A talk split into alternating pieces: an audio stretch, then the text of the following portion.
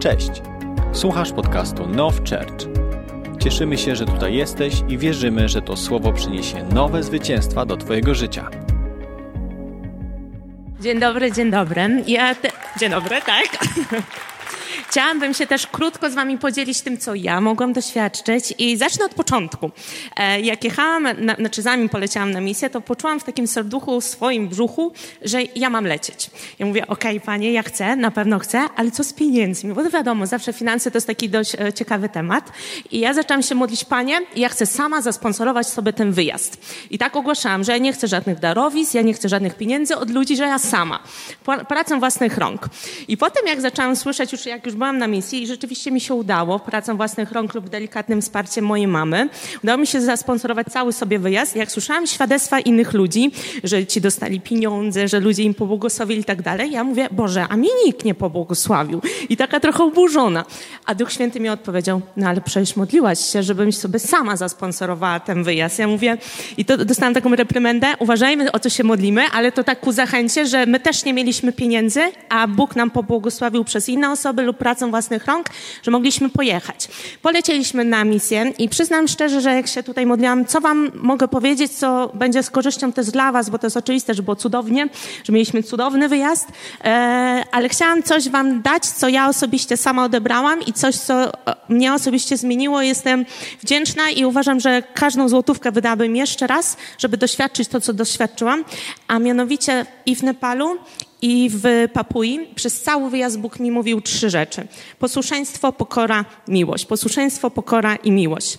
I dla mnie osobiście takim przełomowym momentem w Nepalu było moment, kiedy było wezwanie padnijcie na kolana i ja sobie padnę, przyznam szczerze, że nie do końca wtedy zrozumiałam, z jakiej okazji mamy paść na kolana, ale padłam na kolana i zaczęliśmy uwielbiać Pana. I to jak najpierw był jeden pastor, potem był drugi pastor, potem był trzeci, który się o nas modlił, e, jak my, jak ja osobiście zaczęłam płakać. I to nie był taki szloch typu, że o, ładna piosenka i zaczynam płakać, tylko Bóg zaczynał coś czynić, coś zaczynał we mnie zmieniać. I ja sama nawet nie wiedziałam, co się dzieje, ale zaczęłam mówić dwa słowa tato, tatusiu. I dla mnie te słowa są bardzo znaczące, e, z racji tego, że no po prostu na Boga nie patrzyłam do tej pory jako mój tata, tatuś. Zaczęłam to mówić i Bóg jak zaczyna coś we mnie, coś tak jakby, nie chcę powiedzieć bóle porodowe, no nie wiem jak to nazwać, zaczęło coś ze mnie wychodzić, uchodzić. I zaczęłam tak ryczeć, jak jeszcze chyba nigdy wcześniej tu, ani w komorze swojej. I ja poczułam taką ulgę. I przyszło do mnie zrozumienie tego, jak wyszłam, ja nadal płaczę. Ja mówię do Julki, ty, ja płaczę cały czas, co się dzieje? Że jest dobrze, czuję błogą taką, taką błogość, ale cały czas płaczę. I Duch Święty mi pokazał, że ogromny ciężar w sobie nosiłam z racji dużych odpowiedzialności, które mam w życiu, że nawet nie wiedziałam skąd jest ten ciężar. I ja zawsze chciałam to na sobie nosić. I tu, gdy Duch Święty mi pokazał, nie musisz sama tego nosić. Ja jestem po to, żebym z tobą to mógł nosić i jestem twoim tatą. I potem przyszło od jednego pastora do mnie słowo, że Bóg chce, żebym to, co ja przeżyłam wtedy namacalnie, że ja dosłownie słyszałam głos Boży, że On chce, żebym ja to przeżywała częściej, ale jak On ma mnie dotykać, skoro Mu nie robię przestrzeni? I z tym chciałam się z Wami podzielić, że często jest tak, że my chcemy, żeby Bóg nas dotykał i czasami trzeba wyjechać na drugi koniec świata, żeby doświadczyć Boga, a my nie, bo robimy Mu przestrzeni. I ja rzeczywiście przez to, że pędziłam i dostałam słowo, nie pędź, że ja chcę Ci mówić do Ciebie, ale jak Ty pędzisz, to kiedy ja Ci mam w ogóle to mówić? Ja tak mówię, Boże, przepraszam za to, że cały czas tak pędziłam. Drugie świadectwo w Papui, związane też w związku z tym, że Mm, postawa ma duże znaczenie. Kiedy my jesteśmy tacy, no, stoimy i w ogóle tacy pozamykani, a kiedy padniemy na kolana i po prostu nie musimy nie wiadomo co mówić, wystarczy po prostu otworzyć swoje serce. I ja leciałam z oczekiwaniami, już mi się czas kończy, więc muszę przyspieszyć. Leciałam, leciałam z oczekiwaniami. Panie, dotknij mnie, ja chcę tam Cię doświadczyć, ja chcę poznać żywego Boga, ja chcę, żebyś Ty mówił, ja chcę to wszystko, tylko ja pędziłam, przez całe swoje życie ja pędziłam i musiałam pojechać na drugi koniec świata, żeby się zatrzymać żeby otworzyć swoje serce, żeby nastawić się na słuchanie, bo jak nie ma prądu, nie ma Instagramów, nie ma tego wszystkiego, no to ty możesz się wtedy nastawić. Ja mówię, Boże, no okej, okay, było fajnie, tam cię doświadczałam, do, usłyszałam dużo proros, usłyszałam dużo, do, dostałam dużo obrazów, super, ale co tutaj? Co w Polsce będzie, jak wrócimy? Przecież ja tu mam taki pęd życia i Duch Święty mi pokazał, że to, co miałaś tam, ja chcę dać to samo tu, ale musisz być posłuszna, musisz płacić cenę, musisz mi zrobić czas, musisz mi dać przestrzeń. I chciałabym was z tym zostawić, ostatnie 10 sekund, chciałam was z tym zostawić, że Bóg chce mówić. On chce nam udzielać to, co mają w Papui, uzdrawiać, że kładziemy ręce i ludzie są uwalniani, tylko my musimy dać mu coś najcenniejszego, co dzisiaj mamy, czyli czas, czyli siebie, swoje serducho e, i nie trzeba lecieć do Papui, e, nie trzeba już lecieć do Papui, e, żeby właśnie to wszystko doświadczyć, ale tak jeszcze tylko powiem, że jakbyście chcieli więcej usłyszeć, no to zaproście nas na kawuśki, my z chęcią wam opowiemy, ale błogosławię was. Dzięki. Dzień dobry, kościele. Bardzo za wami tęskniłam. I czekałam na ten moment, żeby się z wami podzielić. A tym, czym chcę się podzielić, to uwaga, uwaga, jedność. To było coś wspaniałego, bo przez te kilka tygodni, e, kilka dni, e, to, co działo się w naszej grupie, to było coś wspaniałego, ponieważ myliśmy się razem, chodziliśmy siku razem, wszystko robiliśmy razem. I to było. I wiecie, co w tym było wspaniałego? Że się nie męczyliśmy sobą nawzajem. Że poczuliśmy nowy wymiar chodzenia w mocy Bożej, o której często się mówi, często znamy tą e, znaną modlitwę Jezusa, aby oni byli jedno. I przez to, że byliśmy, mogłabym powiedzieć, że poczułam się na tym wyjeździe, jakby dzieje apostolskie były rzeczywistością dnia codziennego. I to było coś wspaniałego, bo przez to, że byliśmy w tej jedności, przez to, że te 31 osób wspierało się, e, spędzaliśmy czas razem, dzieliliśmy się świadectwami, czasami po prostu spaliśmy, albo jeden drugiego, wiecie, budził podczas kazania, bo czasami było różnie. to w tym wszystkim, kiedy tylko było słowo idźcie, módlcie się, e, idźcie, wymieszajcie się, zróbcie to, zróbcie tamto, to my nie myśleliśmy, no Boże, ale co, jak... Nie, my po prostu szliśmy. I to było czymś takim doznaniem właśnie bycia armią Bożą. I dla mnie to było coś wspaniałego. Dlaczego? Bo jadąc na ten wyjazd myślę sobie, Boże, mam tyle oczekiwań, ale daj mi trzy słowa, trzy słowa, które pokażesz mi, które będę mogła przenieść na Kościół. I jedno z nich to było dunamis. To była moc Ducha Świętego w formie tego dunamisu. I Bóg mi pokazał, że ona jest dostępna dla nas wszystkich i że my ją mamy, ale musimy się nauczyć chodzenia w jedności. Kiedy jeden drugiego wspiera, kiedy drugi upada, drugi go podnosi, kiedy jeden zasypia, mówi hej, come on, budźcie, idziemy, idziemy, idziemy.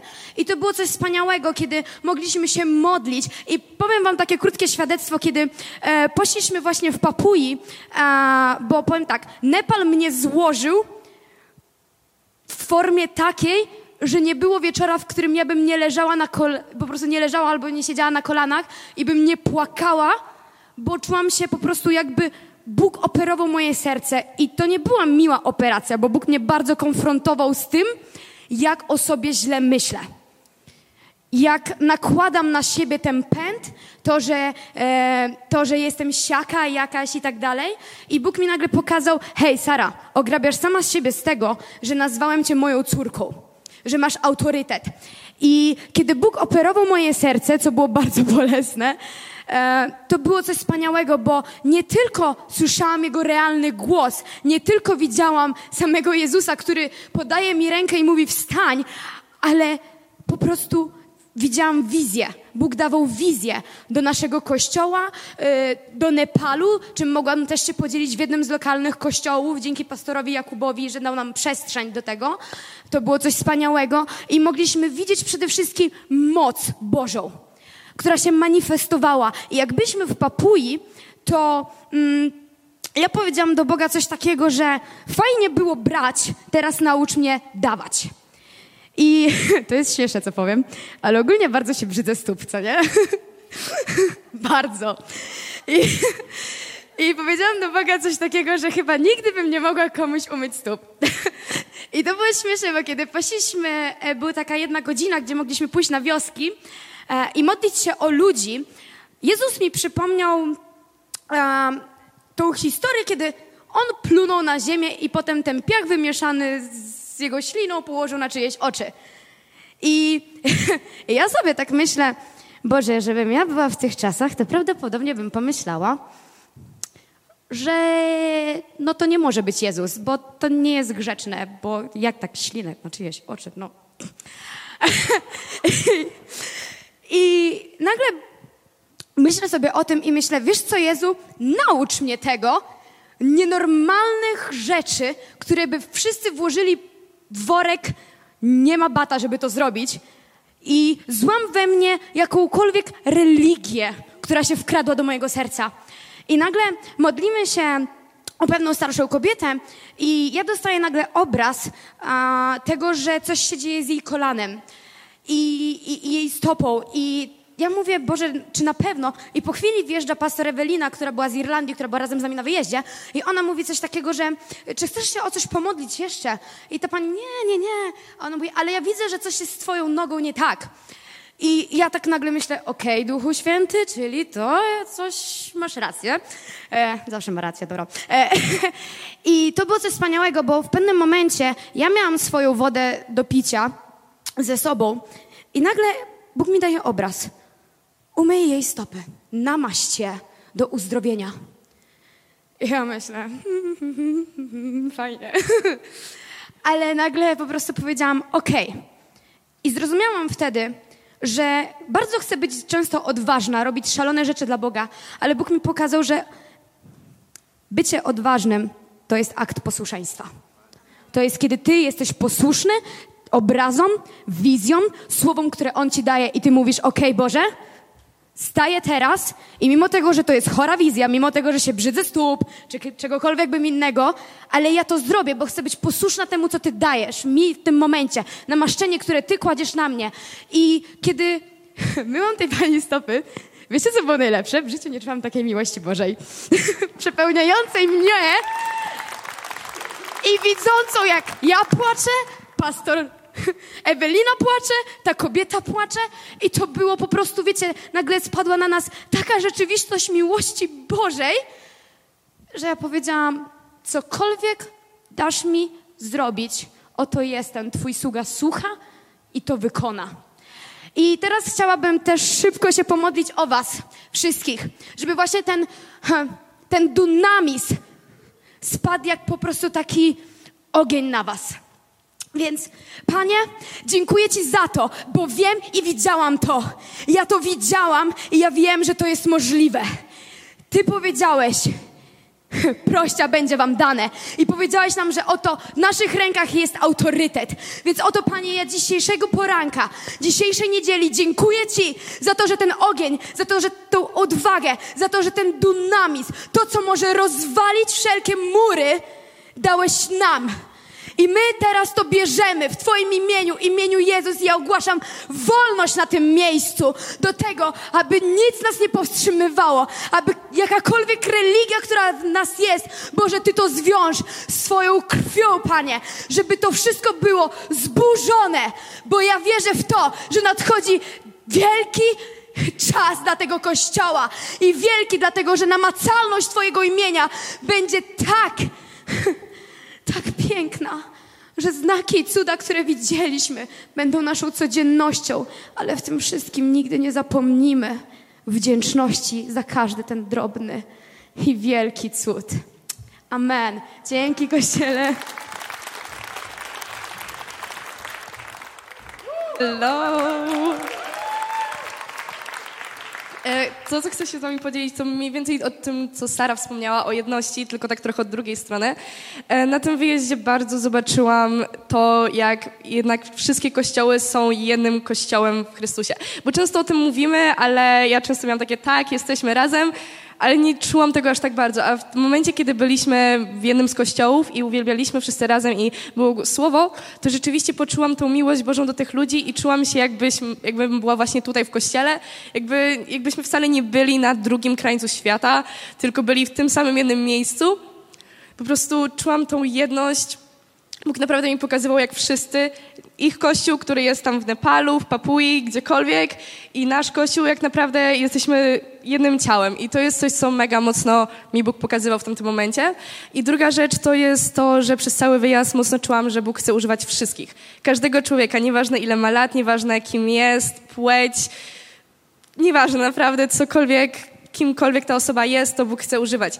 I to by mega bardzo mi Bóg pokazał ogólnie przez cały wyjazd, ale podczas jednej niedzieli, kiedy byliśmy w kościele w Nepalu i mieliśmy okazję właśnie modlić się o ludzi, to pamiętam, kiedy modliłam się o małą dziewczynkę, która tam miała jakieś 7-8 lat, coś w tym stylu i widziałam, jak ona będzie prowadzić ludzi.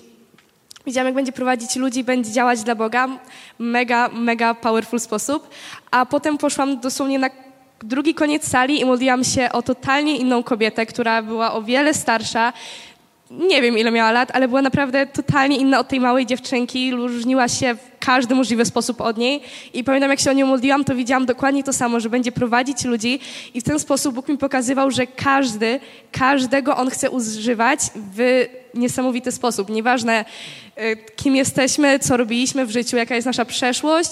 On widzi nasze serca i On chce nas używać w taki sposób, jaki On ma dla nas zaplanowany, abyśmy my tutaj na ziemi naprawdę zrobili wielkie poruszenia. Coś, co też mega jakby mega Bóg łamał w moim życiu, to ja mam tak, że nie lubię za bardzo obcych ludzi, nie lubię ich dotyku, mam swoją grupę osób, które pozwalam, żeby jakoś się zbliżały, ale jak ktoś obcy mnie dotyka, to mam takie, nie, odsuń się, sorry, nie chcę. A kiedy byliśmy w Nepalu, Papui, to tam ludzie bardzo stawiali na ten dotyk, ponieważ to był jedyny w sumie sposób, w jaki mogli się z nami naprawdę kontaktować. Więc to było coś, co Bóg naprawdę mega we mnie mocno łamał, ponieważ miałam takie, że no dobra, ale tak nie do końca chcę w to iść, bo ci ludzie dotykają, napierają, łapią, no sorry, nie, ale potem właśnie podczas modlitwy Bóg mi pokazał, że to jest sposób, w jaki oni chcą e, nas przywitać, nas ugościć i takie mają serce sługi, więc to jest coś, co naprawdę długo o to się modliłam. Boże, złam to we mnie, ponieważ chcę wejść w to, chcę brać to, co Ty masz tutaj przygotowane dla nas i nie chcę, żeby cokolwiek mi powstrzymywało, szczególnie tak mała rzecz, jak, jaką jest dotyk. Ponieważ, tak jak mówiłam wcześniej, jeden kościół, wszyscy jesteśmy tacy sami i nie ma czegoś takiego, czym się różnimy tak naprawdę, oprócz tym, jak się wychowywaliśmy i jak się zachowujemy. I to jest coś, co naprawdę mega mocno Bóg poruszał w moim życiu. I to tyle. Dziękuję bardzo.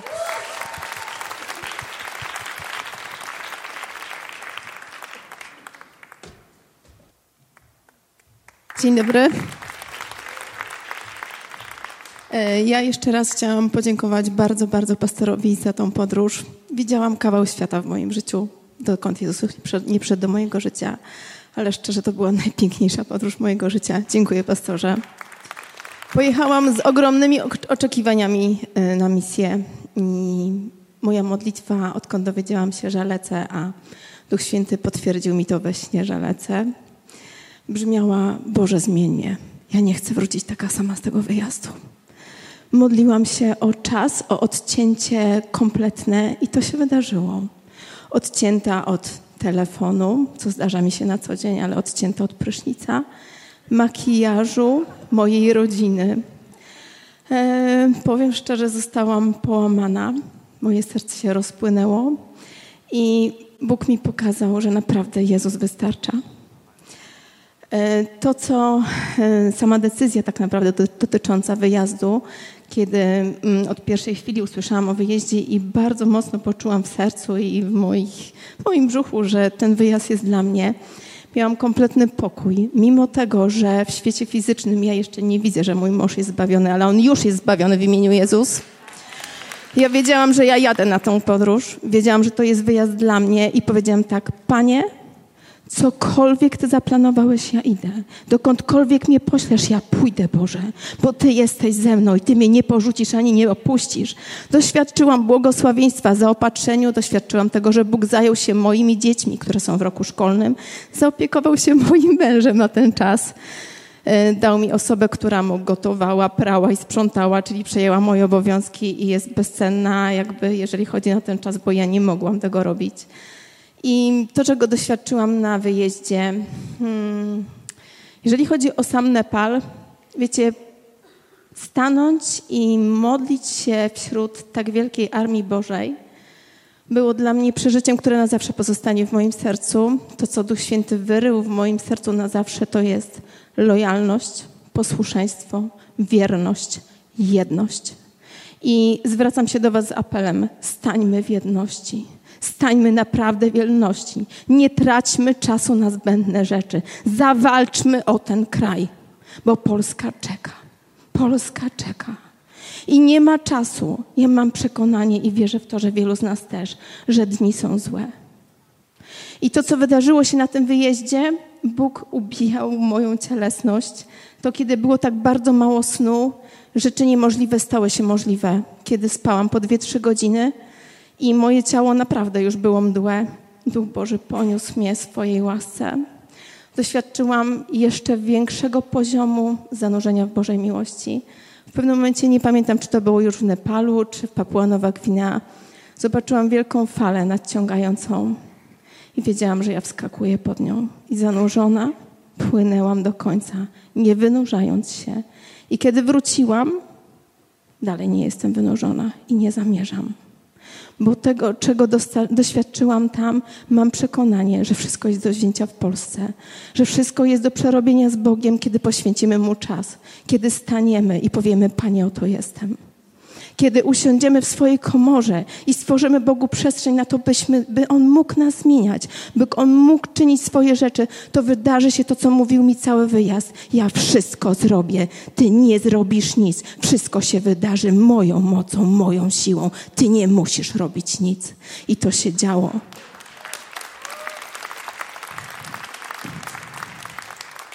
Duch Święty poruszał się w potężny sposób, kiedy mogliśmy usługiwać również sobie nawzajem. Doświadczyłam miłości braci i sióstr niesamowitych, kiedy służyliśmy sobie nawzajem wsparciem, zaopatrzeniem, dzieliliśmy się wszystkim, czym mieliśmy. Mieliśmy niesamowity czas relacji i poznawania się i jestem mega wdzięczna każdej osobie, którą, z którą mogłam spędzić ten czas ale moje serce już tęskniło za Polską. Wiedziałam, że to, co wzięliśmy, jest do przyjęcia i do zapanowania tutaj, bo tutaj jest mój dom, Nowczercz jest moim domem i tutaj mamy do zrobienia robotę. I jestem wdzięczna Bogu niesamowicie za ten wyjazd, pastorowi również. I mam przekonanie, że tak jak rozpoznają naszego pastora ludzie na świecie, i szanują i doceniają. Ja apeluję, szanujmy i doceniajmy naszego pastora. Doceńmy to, co mamy bo mamy tak wiele. Było to wielkie błogosławieństwo i każdego, ktokolwiek waha się i mówi, ja nie mam kasy, nieważne, Bóg was zaopatrzy. Jeśli wasze serce pragnie zmiany, doświadczenia Boga narodów, którego ja doświadczyłam, który jest ten sam na końcu świata, zawalczcie, a Bóg zrobi całą robotę. Chwała Jezusowi.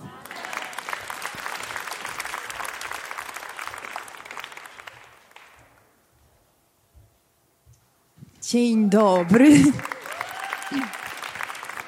E, z tego miejsca chcę jeszcze raz podziękować pastorowi i całej naszej ekipie 31-osobowej. Mm, szybko zacznę od tego, że to było ewidentnie Boże zaproszenie e, do tego wyjazdu, do tej misji. E, I to, co ja tak naprawdę wracając i będąc już w domu zrozumiałam, mm, to było to było zdanie, że kiedy Bóg ciebie gdzieś posyła, kiedy On cię gdzieś wysyła, to okoliczności całkowicie przed tobą muszą po prostu się położyć. Że kiedy Bóg cię posyła w jakieś miejsce i że to jest Jego wola, jesteś w miejscu Jego woli, to okoliczności po prostu padają. Że wszystko musi się dosłownie ułożyć i podłożyć pod to, co Bóg czyni, bo jesteś w miejscu, które rezonowało w Twoim sercu ze względu na to, że Bóg Ciebie posłał. I to oglądaliśmy tak naprawdę na każdym kroku w trakcie tego wyjazdu. Począwszy od tego, że jakimś cudem znalazły się finanse, e, po ludzku nie było możliwości, żeby po prostu pojechać sobie na drugi koniec świata, ale kiedy Bóg Ciebie posyła, to są finanse, to są możliwości, to są ludzie, to są modlitwy, to jest zaplecze, to jest e, cała armia, która jest tym razem z Tobą. E, I co za tym idzie, odkryłam coś takiego, że to gdzieś słyszałam i ktoś, kto się interesuje misjami i ma w sercu misję, może gdzieś to kiedyś usłyszał, e, ale mnie to faktycznie e, uderzyło i dotknęło, to w momencie, kiedy Bóg ciebie posyła, to człowiek ciebie też posyła. Kiedy Bóg ciebie posyła, to autorytet, to, to, to człowiek, który jest obok ciebie, on to zauważy, dlatego że to w Bożym interesie i to w jego intencji jest to, żebyś faktycznie był w miejscu, do którym on chce, żebyś był. I to jest niezwykle cenne, kiedy Bóg ciebie posyła, człowiek ciebie posyła. Może być sytuacja, w której ty sam siebie gdzieś wyślesz, sam siebie gdzieś poślesz, ale Bóg ciebie nie pośle. I wtedy radzisz sobie, że tak powiem, na swoją rękę. Będziesz miał Boże błogosławieństwo, będzie ta przychylność, ale to nie będzie to momentum. Ale nie ma sytuacji, w której jeżeli Bóg ciebie posyła, to człowiek ciebie nie pośle. Dlatego, że Bóg mm, porusza serca autorytetów i ludzi, którzy są wokół ciebie. I to jest niezwykły przywilej mm, dostać takie błogosławieństwo, dostać taki mandat, dostać mm, taką zgodę i takie poselstwo ze strony y, po prostu autorytetu. To jest niezwykłe, to jest Boże potwierdzenie na to, że wchodzisz w Boży plan. I właśnie tych sytuacji, gdzie Boża łaska i zrozumiałam coś takiego, że, że Bóg wypowiada do ciebie słowa, Bóg daje ci jakieś zadanie i jeżeli ty idziesz za tym słowem, to tak naprawdę toruje ci drogę Jego przychylność, Jego, Jego łaska, Jego obecność po prostu idzie przed tobą. I będąc już w tym e, Nepalu i Papui, tak naprawdę doświadczyłam czegoś, że ja idę po wydeptanej drodze, ja idę w miejscu, w którym już jakby byłam. I być może to wszystko było inne, być może to wszystko było faktycznie zupełnie inna rzeczywistość, inaczej to wszystko wyglądało, inaczej ludzie wielbiają, inaczej ludzie się zachowują, ubierają. I mimo, że to po ludzku mógłby być szok, to dla mnie to w żadnym stopniu nie był szok, dlatego, że ja byłam w miejscu, gdzie Bóg chciał mnie akurat postawić. Ja byłam w miejscu, kiedy odbierałam wizję, odbiera, przygotowywałam się, marynowałam się, po prostu nasiąkałam tym, co Bóg przygotował, ze względu na to, że chciałam być przygotowana na ten wyjazd, tak jak mogłam. Nie tylko spakować się do walizki i strój, za przeproszeniem, ale faktycznie przez, od kiedy usłyszałam, że tak to jest ten czas, że Bóg chce mnie posłać, to ja chciałam wziąć właśnie, tak jak ktoś powiedział przede mną, zrobić wszystko, co w mojej mocy, żeby być przygotowaną na to, co nadchodzi. Więc będąc tam, miałam wrażenie, że ja już tak naprawdę tam kiedyś byłam. I ja po prostu teraz idę, okoliczności się kładą, e, ktoś, to, że ktoś zostawił paszport w samolocie i po niego wrócił, że ten paszport tam był, to była Boża łaska. To, że jako 31 grupowa, e, grupa osobowa e, przemieszczaliśmy się z miejsca na miejsce w prędkości światła. To, że okazało się, że nagle mamy za chwilę lot w terminalu, który jest 10 minut z. E, nie pieszo, ale e, autobusem i się udało dotrzeć tam na to miejsce, to była Boża łaska. To, że e, weszliśmy do jakiejś przypadkowej wioski i poprosiłam wodza wioski, żeby jak najszybciej przyprowadził wszystkich ludzi z tej wioski, bo mamy mu coś do powiedzenia. On to natychmiastowo zrobił i zebrał wszystkich, po prostu latał w tą i z powrotem i, i po prostu cała wioska się zebrała. Bez żadnych pytań po prostu wbijają sobie biali na wioskę i mówił wodzu przyprowadź wszystkich ludzi i nagle cała wioska się zbiera. Połowa z nich, a bardziej większość z nich, e, bo mamy nagrania, e, podjęła decyzję, że chce oddać swoje życie Jezusowi. Pomodliliśmy się o człowieka, który większość życia miał problem z chodzeniem ze względu na okropny ból nóg po 10-sekundowej e, modlitwie ból całkowicie ustąpił, Pan zaczął skakać, wielbić Boga. I takie rzeczy dzieją się w momencie, kiedy ty idziesz za Bożym głosem, kiedy On cię gdzieś posyła i jest Jego przychylność, jest Jego zapieczętowanie nad tym, Bóg się do tego przyznaje. I na każdym spotkaniu Bóg przyznawał się do tego, co było robione ze względu na to, że byliśmy tam z posłuszeństwa, byliśmy tam z gotowości, ale nie ma posłuszeństwa bez tej gotowości. I teraz trochę przeskoczę na e, inny temat, jeśli chodzi o e, prostotę serca. To odkryłam bardzo, że prostota serca przyciąga e, niestandardowe rzeczy. Prostota serca przyciąga niezwykłe rzeczy. Prostota serca przyciąga nieproste i niebanalne rzeczy. I oglądaliśmy to tak naprawdę w każdym miejscu, w którym byliśmy. Ja też postanowiłam sobie i dam sobie taki challenge. Było e, trochę trudno, e, ale ja zawsze byłam znana z tego, że biorę ogromną walizkę, prawie większą ode mnie i pakuję wszystko, co mogę. Na lato pakuję kurtki, bo trzeba być przygotowanym. A tutaj y, postanowiłam sobie wziąć takie minimum, y, a nawet mniej niż będę wiedziała, że potrzebuję. Nie było łatwo, przez kilka dni musiałam sobie prać, wszystko tam pożyczać rzeczy i tak dalej, ale Bóg tym też pokazał mi, że ja bez tego wszystkiego potrafię przeżyć, że ja bez tego wszystkiego funkcjonuję i jestem szczęśliwa. I jedyną rzeczą, jedyną osobą, która daje mi satysfakcję, to jest tylko i wyłącznie Jezus. To obecność Boża, to bliskość z Nim. Pamiętam e, chyba pierwszego dnia w Nepalu pastor Kelly powiedziała zdanie, które mnie bardzo dotknęło. To było zdanie pod tytułem Oczekujemy wielkich rzeczy od Boga, więc my też będziemy robić wielkie rzeczy. I w tej prostocie serca Bóg zaprasza nas do tego, żeby robić takie rzeczy, które nie są być może normalne, które wykraczają poza normę. Ze względu, my będąc w kościele, w jakim jesteśmy, mając taką świadomość i DNA, jakie mamy, nie możemy robić normalnych rzeczy. Życie, życie normalne nie jest w naszym DNA. Jeżeli oczekujemy przebudzenia, jeżeli oczekujemy wielkich rzeczy w naszym życiu, zacznijmy je robić w końcu. Zacznijmy się modlić, zacznijmy z desperacją szukać Boga, zacznijmy chodzić w autorytecie, zacznijmy chodzić w Bożej woli, szukać Jego twarzy, szukać Jego oblicza i naprawdę rzeczy będą się działy. I już lądując, byliśmy mm, chyba ostatniego dnia w Port Moresby w kościele lokalnym, gdzie po nabożeństwie weszliśmy na górę modlitwy. Y, mnie już łamało całe spotkanie praktycznie. No ja już nie wiedziałam, jak się nazywam, już było naprawdę grubo. Mm, I w połowie drogi do tej góry e, była tak, było takie zadaszenie, gdzie musieliśmy zostawić swoje rzeczy, musieliśmy zostawić swoje buty. Ja całkowicie dla mnie to było takie, robię to bez dwóch zdań, trzeba to trzeba, też no skoro tak proszą, to okej. Okay. w momencie, kiedy ściągnęłam buty, już coś zaczęło się dziać w moim sercu, już coś zaczęło się dziać też w moim ciele, w, z moimi myślami. E, padło zdanie, że bądźcie świadomi tego, że naprawdę spotkacie się teraz z Bogiem że to będzie coś, co naprawdę, to będzie zderzenie, że to będzie rozwałka. I e, ja słysząc to, po prostu z takim prostym sercem, właśnie prostym sercem tego, że ja chcę doświadczyć Boże Ciebie teraz w taki sposób jak nigdy wcześniej, ja zrobię to i bez tych butów idąc, e, odkryłam jedną rzecz, że boso, jak idziesz, czujesz dosłownie wszystko, co masz pod stopami. wow. A mając buty, po prostu idziesz i nawet nie zwracasz uwagi na to, że depczesz i idziesz po kamieniu.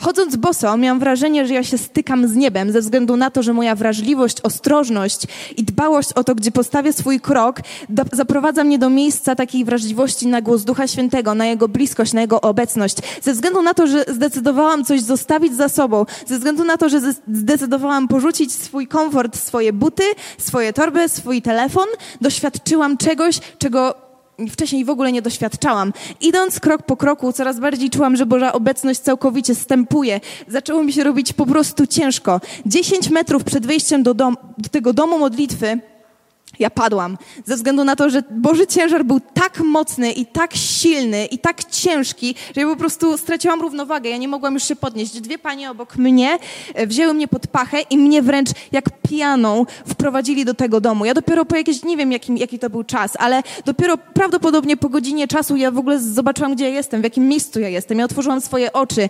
Ja, ja po prostu mnie tam wciągnęli, a żeby było ciekawe, miałam dokładnie taką samą wizję tego, że dwie osoby będą mnie tachać e, jak pijaną kilka dni przed wyjazdem. I zastanawiałam się trochę o co chodzi, czy to moje jakieś coś, ale naprawdę tak się dzieje. Kiedy oczekujesz, kiedy zostawiasz i ściągasz te buty ze względu na to, że chcesz zostawić coś swojego, chcesz zostawić swój komfort i jesteś gotowy, żeby przyjąć to, co Bóg ma dla ciebie, w prostocie serca, w takim radykalizmie dla Niego i po prostu z takim z takim głodem Bożej obecności. Nie ma znaczenia, forma nie ma znaczenia, e, to jak uwielbiasz ma znaczenie, ale bardziej chodzi o to, jak to opakujesz, nie ma znaczenia. Ma znaczenie to, czy ty masz głód w swoim sercu spotkania się z żywym Bogiem, czy nie. Czy podążasz za Jego głosem, czy jesteś Mu posłusz, posłuszny, czy nie.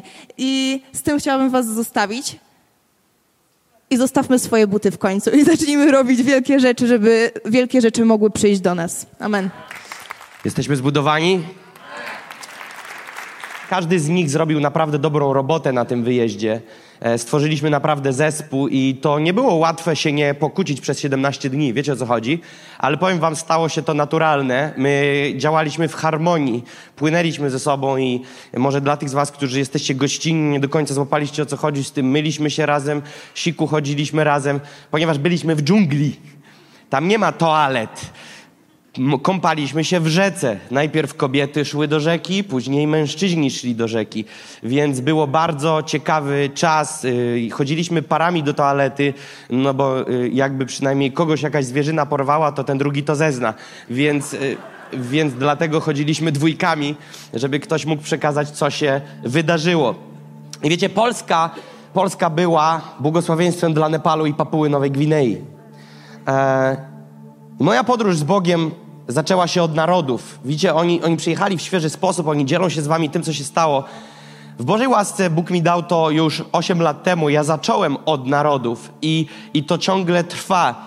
I dlatego, kiedy wracam z każdego wyjazdu, e, wracam tak jakby z innego świata.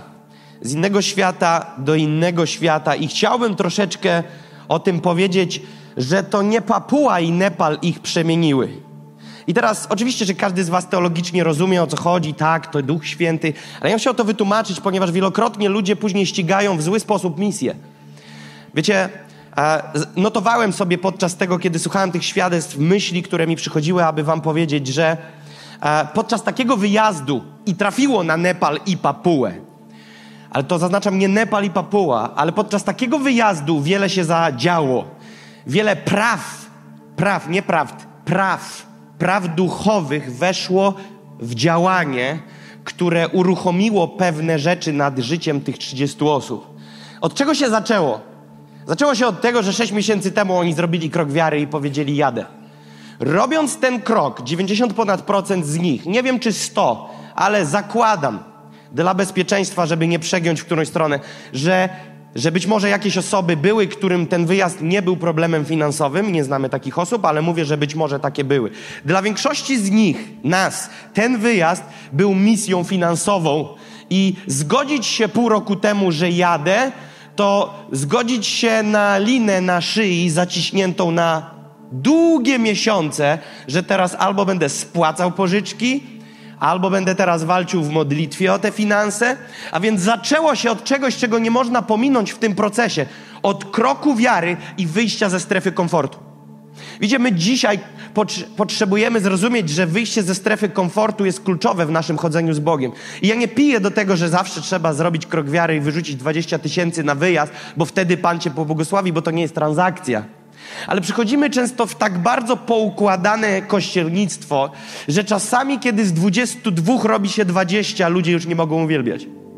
Mówię o stopniach na sali. Czasami wystarczy, że źle wiaterek wieje i już czuję dyskomfort, jak mogę uwielbiać tutaj Pana. Siostra obok mnie nie śpiewa w nutę, jak mam to znieść. E, tutaj to się dzieje, tu tamto. E, troszeczkę Emilka była dzisiaj za głośno, czy tam Patrycja była za głośno i mamy takie, wiecie, rozkminy nasze nowoczesne. A, i, i oczekujemy, że w tym bajorku komfortu Duch Święty tam coś zadziała ciężko, głupio to brzmi, ale ciężko mu się przebić przez nasz komfort. Więc od czego się zaczęło? Od kroku wiary i wyjścia ze strefy komfortu. Ludzie, którzy wyszli tu do przodu pół roku temu i powiedzieli, tak, wierzę. Powiedziałem, pamiętacie, co ja mówiłem? Mówię, wiem, że nie masz dziś pieniędzy na ten wyjazd, ale zgódź się ze mną w wierze, a ja z tobą o ten wyjazd i uwierz, że Pan to pobłogosławi. Jestem świadomy tego, co mówię, że minimum 25 osób nie miała nawet połowy kwoty na ten wyjazd. Ale powiedziałem, zgódź się ze mną w wierze, przyjdź tu do przodu, Pan coś uczyni. A więc pierwszy krok była zgoda wiary. Była zgoda i krok wiary i wyjście ze swojego strefu komfortu. Co stało się dalej? Dalej stało się oderwanie od siebie i działanie poza własnym ja. Ten wyjazd nie budował własnego ja, ten wyjazd nie pomagał mi i mojemu komfortowi, ten wyjazd nie pomagał, abym ja się dobrze poczuł. Ten wyjazd nie wiem, czy słyszeliście, ale przewijało się słowo praktycznie w ustach każdej osoby. Złamało mnie, połamało mnie, rozwaliło mnie. To były te słowa, które, które, które, które się przyplatały.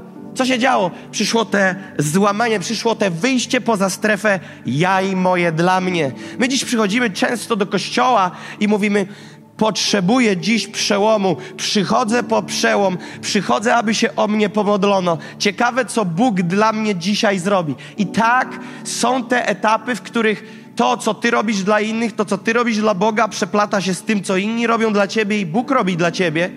Ale niestety nowoczesne XXI wieku chrześcijaństwo jest oparte na mnie i dla mnie. Pobłogosław mnie, daj mi, pomóż mi. A tu nagle 30 osób decyduje się wyjść poza łódkę swojego komfortu Jaka była zapowiedź na ten wyjazd? Nie będziecie mieli za dobrze co jeść, nie będziecie mieli w czym się myć i jeszcze trzeba za to zapłacić. To nie brzmi logicznie. I pojechaliśmy, a więc wyszliśmy i oderwaliśmy się od siebie. Nie spaliśmy tyle, ile chcieliśmy.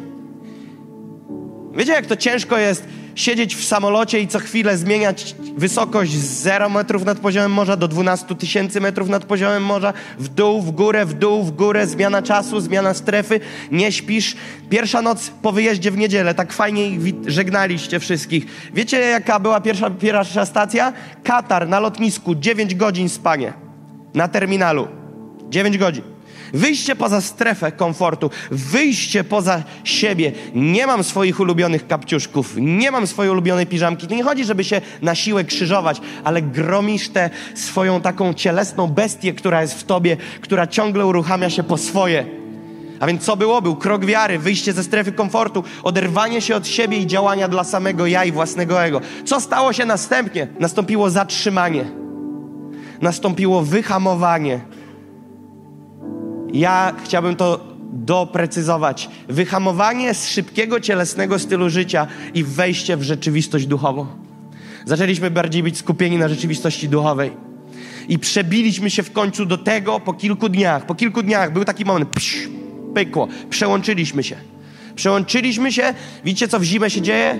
Rtęć suwa się po termometrze, poniżej zera, powyżej zera i czekasz w tym styczniu, kiedy w końcu doleci do zera, bo ciągle bije po głowie te minus 13 i myślisz sobie, jeszcze warszawiacy to nie wiedzą o czym mówię, jedź na Mazury, to zobaczysz. I tam trzaska, trzaska, trzaska i myślisz sobie, kiedy ta odwilż i ty widzisz, ta rtęć już idzie do góry, już idzie do góry, ale na minus 3 niestety i znowu w dół. I to jest ten minus, to jest te życie cielesne. Ciągle dla siebie, wszystko cię zamraża, wszystko cię blokuje, nie jesteś taki flexi, nie jesteś taki elastyczny, wszystko ci przeszkadza, jest niewygodnie, nie możesz odnaleźć swojego miejsca w swoim życiu. Ale nagle przychodzi odwilż, psz, przebija się strefa zero, rtęć bije do góry. Co się dzieje? Wychodzi do życia rzeczywistość duchowa, prawdziwy ty, twój duch. I pamiętam, że przyszedł ten moment, kiedy grupa się przestawiła na kolejne nadawanie to jest tak jak samolot, który startuje, od rękawa jest odrywany na pasie, przy pasie startowym. Najpierw jest podłączony pod taki mały pojazd na przodzie, który go holuje. Silniki są wygaszone, prawie nic nie chodzi. I nagle odłączają to wszystko zasilanie zewnętrzne i przełączenie jest na zasilanie własne i na silniki odrzutowe słyszysz, co tam się dzieje. A więc przeskoczyła grupa w pewnym momencie na rzeczywistość bardziej duchową niż cielesną i automatycznie zaczęli latać. Każdy z nich, kto wszedł powyżej strefy zero, kto przebił się z cielesności do ducha, wyrwał się z tego systemu ograniczeń i poszedł dalej. A więc co się stało? Zaczęliśmy w tym iść głębiej. Co robi się na konferencjach Czas Poruszenia? This is our time, na Now Schoolu. My dobijemy tam i jest koniec. Jest pierwsza sesja, druga, trzecia, czwarta, piąta i nagle jest pach! Dochodzimy tam, jest fajnie i co ja zawsze mówię, nie zgub tego za drzwiami. Pamiętacie, od trzech lat to bije po głowach. Nie zgub tego, jak będziesz wychodził. Pielęgnuj tą perłę, którą otrzymałeś. Co się dzieje? Gubimy. Czemu gubimy? Ponieważ znowu przechodzimy w tę cielesną rzeczywistość. Ja, moje, mój komfort, co Ola mówiła, biegniemy, patataj, patataj, patataj, rytm życia, tran, da, da, da, da, da, da, da, da, wszystko jęczy i później jesteśmy zdziwieni, Panie Boże, gdzie Ty jesteś? Na północy, na południu, na zachodzie, na wschodzie, pod krzesłem, w górze? Gdzie jesteś? Gdzie Ciebie szukać? On jest wciąż niezmiennie, wczoraj, dziś i jutro ten sami na wieki. Jedyny problem jest, że nasza cielesność i rytmika naszego cielesnego życia nie pozwala nam odbierać go w duchu. A więc co się stało? Trwaliśmy w tym. Nie było te dwa dni. Przyszedł kolejny dzień, kolejny, kolejny. Wiecie, jaką dla mnie dumą było i radością oglądać, jak twarze tych ludzi się zmieniały z dnia na dzień. Miałem wrażenie, że to nie jest ta sama ekipa stąd. To nie są ci sami ludzie. Coś się stało i to nie Papua ich zmieniła, to nie Nepal ich zmienił, to oni weszli w te poziomy. To jest to, o czym zawsze mówię, pamiętacie? Zawsze mówię, cielesność rodzi śmierć i duch rodzący życie. Rzymian, ósmy rozdział, piąty rozdział. O tym ciągle tu było mówione, że musisz w to wejść, że życie w duchu rodzi życie, drzewo życia, życie w ciele rodzi śmierć. I co się stało? Trwaliśmy w tym, a więc pojawiła się higiena duchowa. Czy z własnej woli? Nie. Właśnie na tym polega tego typu wyjazd, że specyfika tego wyjazdu wyciska poza naszą wolą higienę duchową, która musi nastąpić poprzez rytm, który tam jest. Wiecie, co było na wiosce w Papui Nowej Gwinei o trzeciej? Facet przychodził, walił pałą w gonga, wbudził całą wioskę. Nie żartuję. Mieli wielki gong, walił pałą, aż wszyscy się obudzili i wszyscy na modlitwę od trzeciej do szóstej. Teraz pomyśl sobie, nie masz Instagrama, którego skrolujesz z rana przed wyjściem na tą modlitwę, bo tam nic nie działa. Nie możesz wejść w internet, nie możesz włączyć radio Sred, nic nie możesz włączyć i dowiedzieć się, że jutro umrzesz na COVID. Nigdzie ci tego nie mówią. Nagle przychodzisz na modlitwę i dowiadujesz się, że Duch Święty chce dzisiaj uczynić coś nową rzecz. Pan czyni nową rzecz. Przychodzisz i o szóstej ci mówią, że jest dwie godziny przerwy, bo godzinie ósmej wracamy na sesję. 8.30 odpalany jest worship, godzina uwielbienia. I później wychodzimy i głosimy. Półtorej godziny. Pół godziny przerwy, kolejna sesja, półtorej godziny. W międzyczasie, to o czym mówiła Julia, wyjście do wioski pobliskiej, ewangelizowanie, ludzie się nawracają, ludzie są uzdrawiani. Nie ma pulpitu, nie ma mikrofonu, nie ma sceny, nie ma krzeseł, po prostu wchodzisz i mówisz: przyjdźcie tutaj. Głoszone jest słowo, ludzie się nawrócili. Wracamy na wieczorne spotkanie, tłum, nie mieszczą się pod dachem. Po lewej, po prawej, z tyłu, wypełnione. 150 osób oddało swoje życie Jezusowi. 150 osób oddało swoje życie Jezusowi.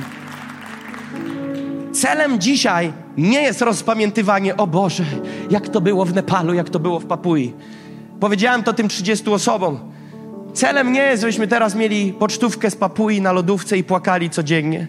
Jak to było w Papui. Bo nie na tym rzecz polega. Celem jest to, co udało nam się doświadczyć tam, poprzez ułatwione warunki, nauczyć się mieć to tu, gdzie jest trudniej. Wiesz dlaczego? Bo jest wygodniej. Nie wiem, czy łapiecie, co mówię. Tam było łatwiej, bo życie jest trudniejsze. A tu jest trudniej żyć z Bogiem, bo życie jest łatwiejsze. Cywilizacja, współczesność, nowoczesność, dostępność wszystkiego, co chcesz. Zabawne jest dla mnie, jak przedefiniowywane jest pojęcie nie mam nic.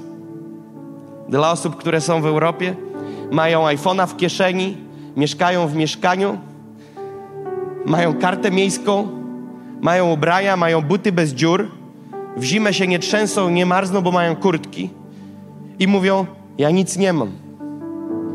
Nie mogę nawet pojechać w wakacje do Turcji.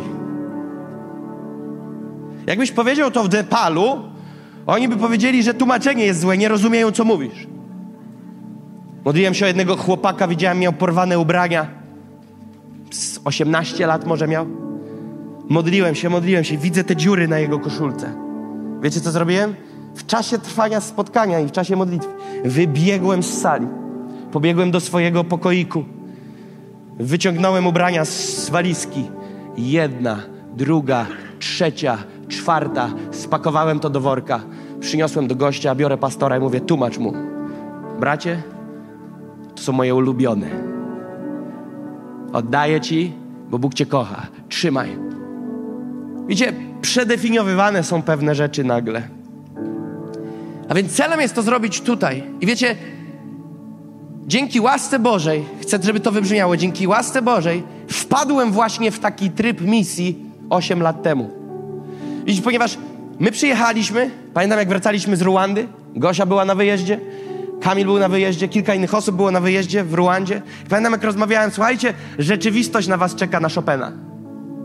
Czeka na was ta stara rzeczywistość na Chopina. I musimy zrozumieć, że musimy pielęgnować to, co Pan u nas uczynił w naszych życiach na tym wyjeździe.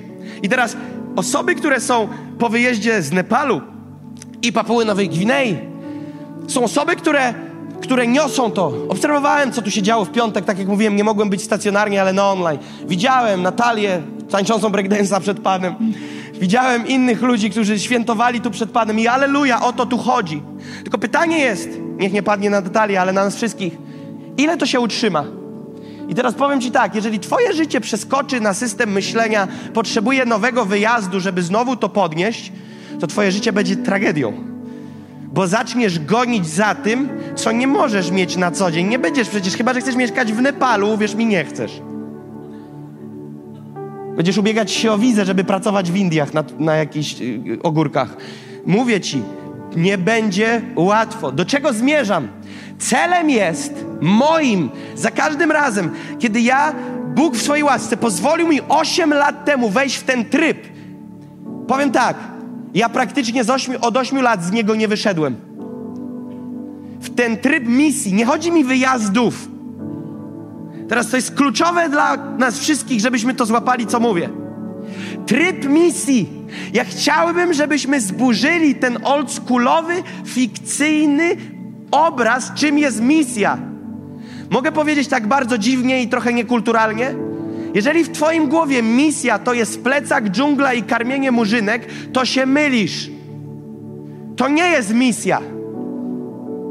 Kto powiedział, że to jest misja? Dlaczego dla nas misja to jest jakiś kraj piątego świata, gdzieś za górami, za lasami, gdzie trzeba dotrzeć narażając swoje życie? Nie wiem, czy wyłapaliście to, ale pastor Richard William, pastor doktor Richard William, który, uwaga, mieszka w Stanach Zjednoczonych na Florydzie, jest na misji. On mówi tak, kiedy rozpoczęliśmy swoją misję, która trwa do dziś, ktoś powie, jaka misja człowieku? Mieszkasz na Florydzie. Mieszkasz w Stanach Zjednoczonych. To nie jest misja. To jest misja. Bo kwestią nie jest, gdzie mieszkasz, tylko co tam robisz. I teraz misja. Ja jestem od 3,5 lat, 3,5 roku na misji w Warszawie. Wyjechałem z Gołdapi i przyjechałem do Warszawy i mam tu misję. To jest moja misja. I ja tak jak żyję w Nepalu przez tydzień i tak jak żyję w Papui przez tydzień, to te same wartości napędzają mnie w Warszawie. Ale jest jakieś takie ciągnięcie w powietrzu, czuję, w szczególności u ludzi, którzy nie wiedzą, co chcą w życiu robić. Misja i widzą misję, jakiś kraj ósmego świata. Gdzieś tam wiozą te worki z ryżem. Tak, jest też ten model misji. Tak, możesz próbować dostać się dzisiaj do strefy gazy. Jak Pan Cię tam posyła, aleluja, pomodlimy się o Ciebie i do zobaczenia w niebie. Ale, ale posłuchaj, misja to nie jest tylko w terenie, w którym są kanibale, maczety i bieda.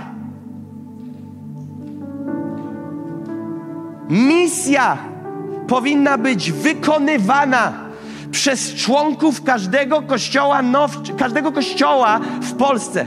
W każdym miejscu, w którym są. A członkowie kościoła Now Church są na misji w Warszawie. To jest miejsce naszej misji. A ktoś powie, a ja jestem warszawiak, to też wejdź w tą dynamikę misji. Dlaczego my chcemy oddać 20 tysięcy na wyjazd i przez 17 dni rzeźbić misję? Jak możesz tą misję rzeźbić tu? Musimy przedefiniować temat misji. Misja to nie jest miejsce, w którym zrzekam się cywilizacji, jadę do buszu. To jest, to jest, to też jest jeden z rodzajów, ale nie tylko. Misja to jest tam, gdzie ty wykonujesz misję powierzoną przez Jezusa do Twojego życia. Jaką? Aby budować królestwo. A więc Bóg stawia nas w Warszawie i my tu w Warszawie wykonujemy tą misję, czytaj wizję Kościoła Now Church i ją realizujemy w celu szerzenia królestwa. I my ją realizujemy. A ktoś powie, jaka misja? Masz samochód, masz mieszkanie. A co mam na rolkach tu dojeżdżać? W czym widzisz problem? Widzisz, jak mamy zaburzoną definicję misji? Więc misja jest dzisiaj tutaj. I wszedłem w te tryby misji lata temu i w Bożej łasce On mnie trzyma. I to, o czym wspomniał Mati, kiedy mówił, że od trzech lat, kiedy tu jest, obserwuje mnie i widzi, że ja ciągle napieram. Zaznaczę jeszcze raz, dzięki Bożej łasce. I on mówi, że chciałby też w tym dioko, w tym Bożym ciśnieniu iść do przodu. Dioko to taki wyraz z greki, o którym Paweł pisał w oryginale, że, że coś od środka go w rzeczywistości duchowej rwie do przodu. To jest te dioko że coś od środka, Duch Święty cię rwie. To jest właśnie definicja słowa dioko. W oryginale Paweł te słowo napisał, apostoł Paweł w Biblii. Dlatego w Nowstorze mamy bluzy z napisem dioko. I, bo ktoś może pomyśleć, co to jest. I, i, i Mati o tym mówi, że chciałby też mieć te dioko, te dioko. I wiecie, to właśnie, to właśnie ta misja mnie ciśnie non-stop do przodu, że ja nie mam wystrzału w górę na tydzień w Nepalu, a tu mam zjazd bo moja misja była w Nepalu, a teraz wróciłem do domu. Nie, nie. Powiem level pro i to niech się nie wszyscy przerażą, bo to taki level pro, ale biblijny. I też dla wszystkich, ale nie wszyscy są zawsze gotowi, żeby to usłyszeć. Ty od momentu, kiedy się na nowo naradzasz, ty wchodzisz w misję. Misja to nie jest zbiórka na Chopina i wylot gdzieś tam. To jest to, co jest po drodze. Nie mam nic do wyjazdów takich, co nam się ułożyło w głowie, misyjnych. Pojedźmy na misję do, nie wiem, Szwecji, Czarnogóry, Nepalu, y, Hongkongu. Tak, to jest ten wyjazd, jedziemy, ale misja trwa każdego dnia. Rozmawiałem z Julią, Julia mówi, spotykam osobę na ulicy, czuję, że Duch Święty chce, abym powiedziała tej osobie coś, to jej mówię. To jest misja. Jesteś na misji, ty z misji nie rezygnujesz. Paweł odkąd wszedł w Boże ścieżki do momentu swojej śmierci, co napisał? Na koniec. Biegu dokonałem, wiarę zachowałem, dobry bój toczyłem, a więc on non-stop napierał. Misja nie jest tylko dla tych, którzy biorą urlop i wyjeżdżają na ten tydzień lub dwa. Misja to nie jest tylko weekend specyficzny, kiedy się napinamy. Misja jest non-stop w Twoim miejscu pracy, w Twoim domu. Musimy to przedefiniować, ponieważ wtedy nigdy nikt nie będzie nic wielkiego robił dla Pana w swoim miejscu, w którym mieszka, bo będzie żył ułudą, że gdzieś tam, coś tam kiedyś. Fikcja. Tu jest moja misja trzech i pół roku. Tu jestem na misji w Warszawie. To jest moje miejsce misji. Tu się poświęcam, tu buduję królestwo. Ludzie chcą jechać na misję, ale nie są w stanie odpowiedzieć na wezwanie do wolontariatu w Nowchurch. Jak chcesz jechać na misję? Tu jest Twoja misja pierwsza. Kiedy Jezus powiedział: Jerozolima, Judea, Samaria i krańce ziemi, kiedy On im to mówił, wytyczył im mapę kiedy mówił im, żeby działać w Jerozolimie, później Judei, później Samarii i później po krańce ziemi, zgadnij, gdzie byli, kiedy on im to mówił. W Samarii? Nie, w Judei. Oni, oni mieli swoją bazę apostolską w Jerozolimie. Oni mieli swoją bazę w Jerozolimie, to była baza apostolska. I teraz on mówi, stąd się zaczyna, tu robisz swoje i, i rozszerzamy działania. Jesteś wierny małym, Bóg powierzy ci większe rzeczy. Co się dzieje po Jerozolimie? Judea, Bóg cię wysyła dalej. To, o czym też Julia mówiła. Jest rozpoznanie. Bóg cię wysyła dalej. Ludzie to widzą. Hej, ty się nie mieścisz już w te ramy. Idziemy dalej. Jerozolima, Judea, Samaria. Jesteś wierny. Jesteś wierny na poziomie grupy domowej Jerozolima. Co jest później? Judea, niedzielne nabożeństwo. Samaria, eventy, Now School, czas poruszenia. This is our time. Idziesz dalej, krańce ziemi. Krańce ziemi. Krańce ziemi. Bóg jak mnie powołał 8 lat temu na nabożeństwie w Gołdapi, o której miałem głosić 10 rano, wiecie co robiłem? Budzik na siódmą, kościół trzy minuty pieszo od domu, w którym byłem. Przychodzę z kluczami pierwszy, wyłączam alarm, pach, pach, pach. Jeszcze po ruchu rąk byście wiedzieli, jaki kod. I wyłączam alarm, wchodzę i wiecie od czego zaczyna? Sprzątam podłogi. Sprzątam podłogi na budynku w budynku, w którym będę głosił. Co robię później? Sprzątam kibel. Nie mam z tym żadnego problemu. Układam krzesła, modlę się o te krzesła. Nikt mnie o to nie prosił, nikomu nie próbowałem się przypodobać. Po prostu czułem, że taka jest kolejność rzeczy. I co się wydarzało? Później przychodzili ludzie, dyżur osób, które miały sprzątać. Halo, ja nie miałem dyżuru, ja wpadłem przed dyżurem inni, przyszli ludzie na dyżur, a wszystko było zorgarnięte. Ludzie mówią, ale jak to ogarnięte? Ja mówię, teraz będziemy się modlić. Modlimy się o wszystkie krzesła, które tu są. Będziemy się modlić, że kiedy Duch Święty, kiedy ludzie przyjdą i usiądą, Duch Święty stąpi i będą przemienieni. Zaczęliśmy się modlić, modlić się, muzyka leci. Nabożeństwo się zaczyna, a tam już jest teren od dwóch godzin wyryty. I nagle Bóg przesuwa mnie dalej, dostaje pierwsze zaproszenie, drugie zaproszenie, trzecie zaproszenie, czwarte. Nagle powstają momenty, że jest szansa gdzieś pojechać. Kroki wiary, kroki wiary. I pięć lat później, od momentu nawrócenia, staje się pastorem kościoła w Warszawie. Czy to jest normalne? To nie jest normalne. Bóg posyła mnie na misję do stolicy. Wraz z moją żoną przyjeżdżamy. Mamy to pragnienie. Jest z nami osiem osób. Rozmawiamy. Dzielimy się tą misją, wizją. Co te osiem osób? Przyjechało na misję do Warszawy. Nie wiesz o czym mówię? Porozmawiaj z Karliszką, Olą Nawrot i kilkoma innymi osobami, pastor Dawid Noemi, którzy przyjechali tu w tej pierwszej ósemce. Popytaj, pogadaj, co było. Czy tam były fajerwerki? Doniczki myślisz, latały? Nic nie było.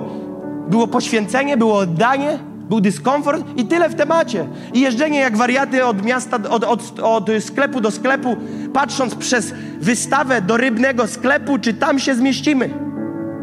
Tak było z pastorem Dawidem. Zatrzymujemy się na krawężnikach, dzięki Bogu nikt tam mandatów nie walił.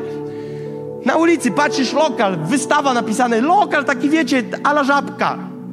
Zatrzymujemy samochód na awaryjnych, bach, na krawężnik samochód, szybko wkładamy ręce dłońmi, wkładamy głowę na szybę, bo zamknięty lokal, rękoma zasłaniamy, żeby cień zrobić, patrzymy, mówię, zobacz Dawid, 120 metrów, to może upchamy, pa. Tutaj dzieci, tutaj będzie spotkanie, tam kibel wykręcimy, może się uda. Czy myślisz, że tam było fajerwerki, samoloty, wielkie służby, sceny? Nie, to była misja. I dzisiaj ludzie patrzą i mówią, Jakub, gdybyśmy, nieraz słyszę te głupoty, Jakub, tak to się dobrze żyje. Dzisiaj macie, wiesz, 300 osób, kasa wam się leje, tak? Gdzie? Powiedz mi skąd. Kasa się leje, ekrany macie tu, zespół, wszystko. Ja kiedyś książkę napiszę o krwawicy, ile to było w pierwszym roku. Był taki ból, tego wszystkiego rodzenia, że nie masz sobie pojęcia, co to było. I przychodzisz nagle do miejsca, w którym uwaga, co? Osiem lat, posłuchaj, nie 88, bo to ciężko namierzyć. Osiem lat temu. Wyobraź sobie, że jesteś na tym spotkaniu i widzisz mnie, jak się nawracam. Widzisz, jesteś wierzącym i widzisz, że się nawracam. A dzisiaj mam przywilej słyszeć od ludzi, którzy mówią mi: Dziękuję, że dałeś nam możliwość pojechać z Tobą na drugi koniec świata gdzie jesteś zaproszony, aby prowadzić konferencję. Pomyśl, jaka łaska Boża. Ale wiesz, na czym polega fenomen? Rób to, co Bóg ci daje, krok po kroku. Bądź wierny w tym zadaniu, które On ci daje. Nie ścigaj mikrofonu, nie ścigaj sceny. Bądź wierny. Złap Elizeuszu swojego Eliasza i naśladuj. Naśladuj. Idź wiernie do przodu. Nie skacz z kwiatka na kwiatek. Obierz cel i idź do przodu. Chcieli wypełnić tą misję, wypełnić ten nakaz misyjny, aby iść na cały świat i głosić Ewangelię wszelkiemu stworzeniu do końca, do ostatniego dnia. Dziękujemy, że byłeś z nami.